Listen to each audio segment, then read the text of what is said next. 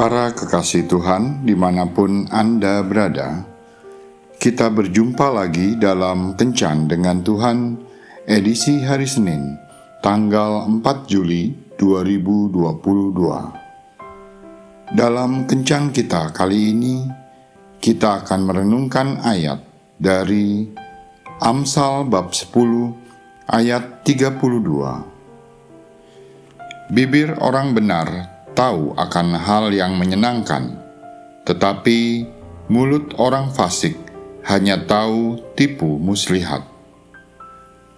Sahabat kencan dengan Tuhan yang terkasih, Edward Kramer dari St. Louis, Missouri, mengajarkan sebuah prinsip sederhana tetapi bernilai tinggi kepada ketiga anaknya.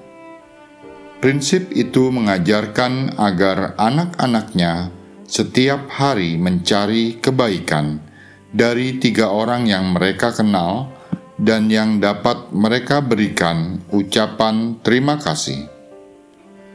Orang tersebut mungkin saja guru, tukang kebun, pak pos, polisi, pelayan di rumah, atau siapa saja yang membuat anak-anak itu bersyukur akan kehadiran orang-orang itu dalam hidupnya.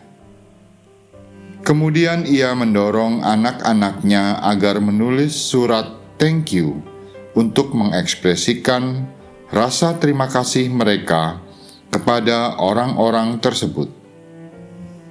Walau awalnya sangat sulit untuk mendisiplinkan anak-anaknya melakukan hal itu, tetapi lama-kelamaan mereka menjadi terbiasa dan mereka sungguh terkejut karena surat balasan yang mereka terima begitu hangat dan menyenangkan. Inilah yang membuat suatu perubahan pada Edward Kramer, karena ia tahu bahwa yang paling dibutuhkan manusia adalah apresiasi. Ada lebih dari 5 miliar orang di dunia ini yang haus akan kata-kata ataupun penghargaan yang tulus. Setiap orang butuh dihargai, entah itu dihargai dalam bekerja, dalam mengeluarkan pendapat, ide, dan sebagainya.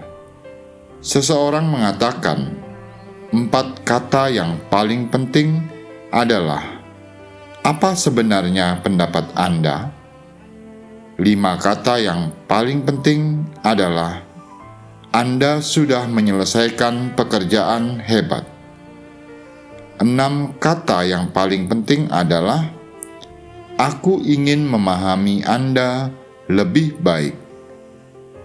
Hari ini, sudahkah kita menghargai dan mengucapkan terima kasih kepada orang-orang yang sudah membantu kita mencapai sukses?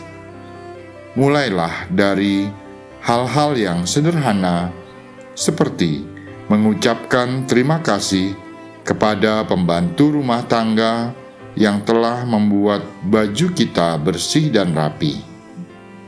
Mari kita memberikan penghargaan atau pujian kepada pasangan hidup kita, anak-anak, orang tua, rekan kerja kita rekan pelayanan, bahkan hingga pada setiap orang yang kita jumpai.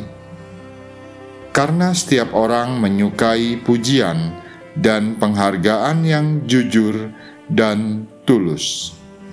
Tuhan Yesus memberkati. Marilah berdoa. Tuhan Yesus, urapilah perkataanku sehingga apa yang kukatakan adalah kata-kata yang membuat orang lain diberkati. Amin.